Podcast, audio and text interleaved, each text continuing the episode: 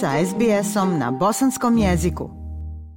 Pozdrava iša tebi i slušateljima SBS radija. Polako političke stranke u Bosni i Hercegovini pregovaraju, održavaju sastanke, a sve sa ciljem da bi se što prije došlo do formiranja vlasti kako u federaciji, tako i na nivou Bosne i Hercegovine. U Konjicu je 7. decembra održan sastanak Osmorke i Hrvatske demokratske zajednice nakon kojeg je potvrđeno da će predsjedavajuća vijeća ministara Bosne i Hercegovine biti Borjana Krišto, a da će Nermin Nikšić biti novi premijer Federacije Bosne i Hercegovine. Sastanak je, kako sam već rekla, održan da bi se razgovaralo o detaljima formiranja federalne i državne vlasti. Nakon ovog sastanka, lideri stranaka obratili su se novinarima i prvi je izašao lider SDP-a Nermin Nikšić koji je kazao da se nada da će nova vlast biti formirana do nove godine. Poslušajte Nermina Nikšića. Sigurno ćemo promijeniti atmosferu. Ni meni, ja siguran sam, ni kolegice Krišto, ne pada na pamet da vodimo vijeće ministara i federalnu vladu koja će kopat nove rovove, praviti barikade i stvarati atmosferu podjela, sukoba, svađe. Lider HDZ-a Bosne i Hercegovine Dragan Čović rekao je da nakon ovog sastanka više neće govoriti HDZ i Osmorka, već, kako kaže Čović, partneri. Poslušajte i Dragana Čovića. Raspravljali smo o svemu ono što danas opterećuje odnose, a to je ključ svega, ja mislim, ako to budemo u stanju svojim kapacitetom stranaka koji su okupljene provesti, onda smo uspjeli. To je da dogovaramo sve stvari, da nema razloga da ništa što dođe na vijeće ministara ima preglasavanje od bilo koga, a onda pogotovo kada dođe u parlamentarnu skupštinu Bosne i Hercegovine kroz oba doma, da ide glatko, ako je to prošlo kroz vijeće ministara. Predsjednik Naroda i pravde Elmedin Konaković je istakao da je činjenica kako je ovo potpuno drugačiji politički politički proces. Evo riječi i Elmedina Konakovića.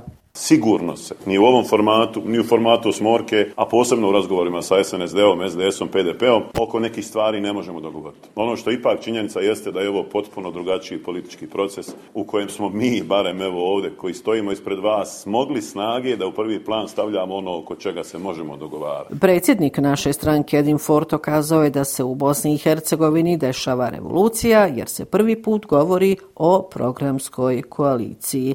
Čujte i Edina Fortu. Prvi put pričamo o programu, nemojte uzmati to zdravo za gotovo. Imamo sada program na kojem detaljno radimo sa partnerima, strankama okupljenim oko HDZ-a i strankama Osmorke i to je već revolucija. Naša stranka će insistirati na programu za državni nivo. Novinarima se u Konjicu obratio i lider stranke za BiH Semir Efendić koji je poručio da nema izdaje ni države ni Bošnjaka. Evo šta je pored ostalog kazao još e, Semir Efendić u vijeću ministara. Do sad je postojao neki raspored 3-3-3 plus premijer. Danas je iskazana jedna spremnost od strane HDZ-a da oni koji će davati predsjedavajućeg vijeća ministara imaju dva ministra, što otvara prostor da četiri ministra da pripadnu strankama Osmorke. Nakon ovoga sastanka, kako su to i predsjednici pojedinih ovih stranaka i rekli, 10. decembra u Banjoj Luci je održan sastanak SNSD-a sa Osmorkom i HDZ-om. Nakon ovog sastanka,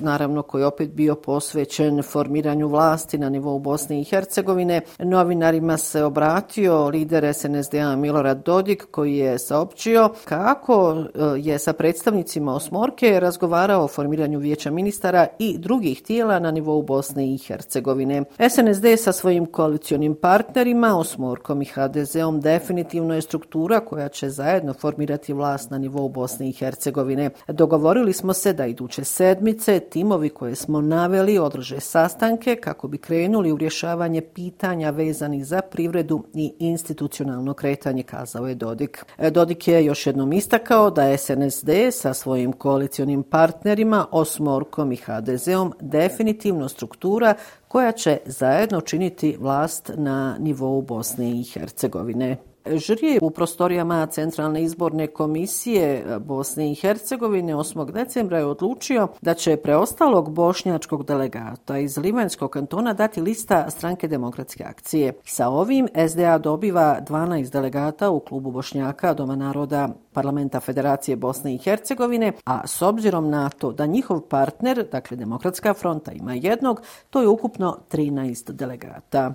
A prema izmjenama izbornog zakona koje je u izbornoj noći nametnuo visoki predstavnik u Bosni i Hercegovini Kristijan Schmidt za nominiranje kandidata za predsjednika Federacije Bosne i Hercegovine, potrebna je podrška najmanje 11 delegata od 23 u klubu svakog konstitutivnog naroda u Domu naroda Parlamenta Federacije Bosne i Hercegovine. Nakon što klubovi naroda u Domu naroda odaberu kandidate za predsjednika Federacije, potrebno je da ih opća većina u predstavničkom i Domu naroda Parlamenta Federacije podrži. U slučaju osiguravanja podrške formira se predsjedništvo Federacije, a tri odabrana kandidata potom između sebe biraju novog predsjednika federacije, dok ostala dvojica automatski postaju podpredsjednici. Nakon što obavi konsultacije sa kandidatom, predsjednik federacije nominira kandidata za premijera federacije, kojeg potom trebaju potvrditi oba doma parlamenta Federacije Bosne i Hercegovine. Međutim,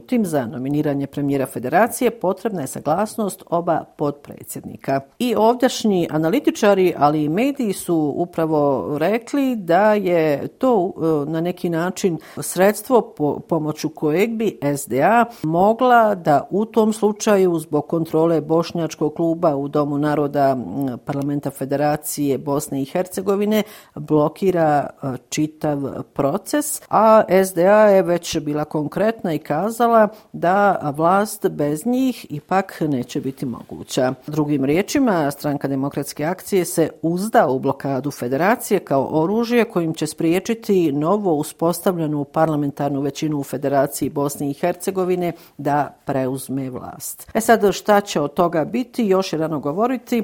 Ono što je bitno da Osmorka kaže da od tog posla zapravo neće biti ništa s obzirom da u predstavničkom domu parlamenta Federacije Bosne i Hercegovine se već zna ko je većina, odnosno da je SDA zajedno sa Demokratskom frontom opozicija. Upravni odbor Vijeća za implementaciju mira u Bosni i Hercegovini zasjedao je dva dana i to konkretno 8. i 9. decembra.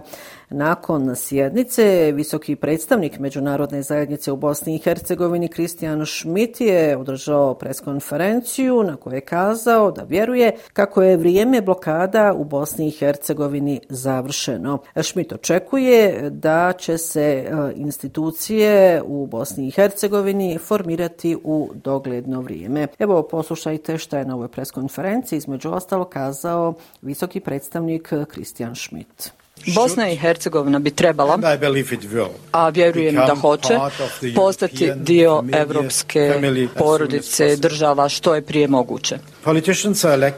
Političari se biraju da bi donosili uh, odluke i da bi djelovali. Neki su posle izbora pokazali da su spremni djelovati i to je dobar znak. I nadam se da su vremena stalnih blokada sada iza nas i da su prošla.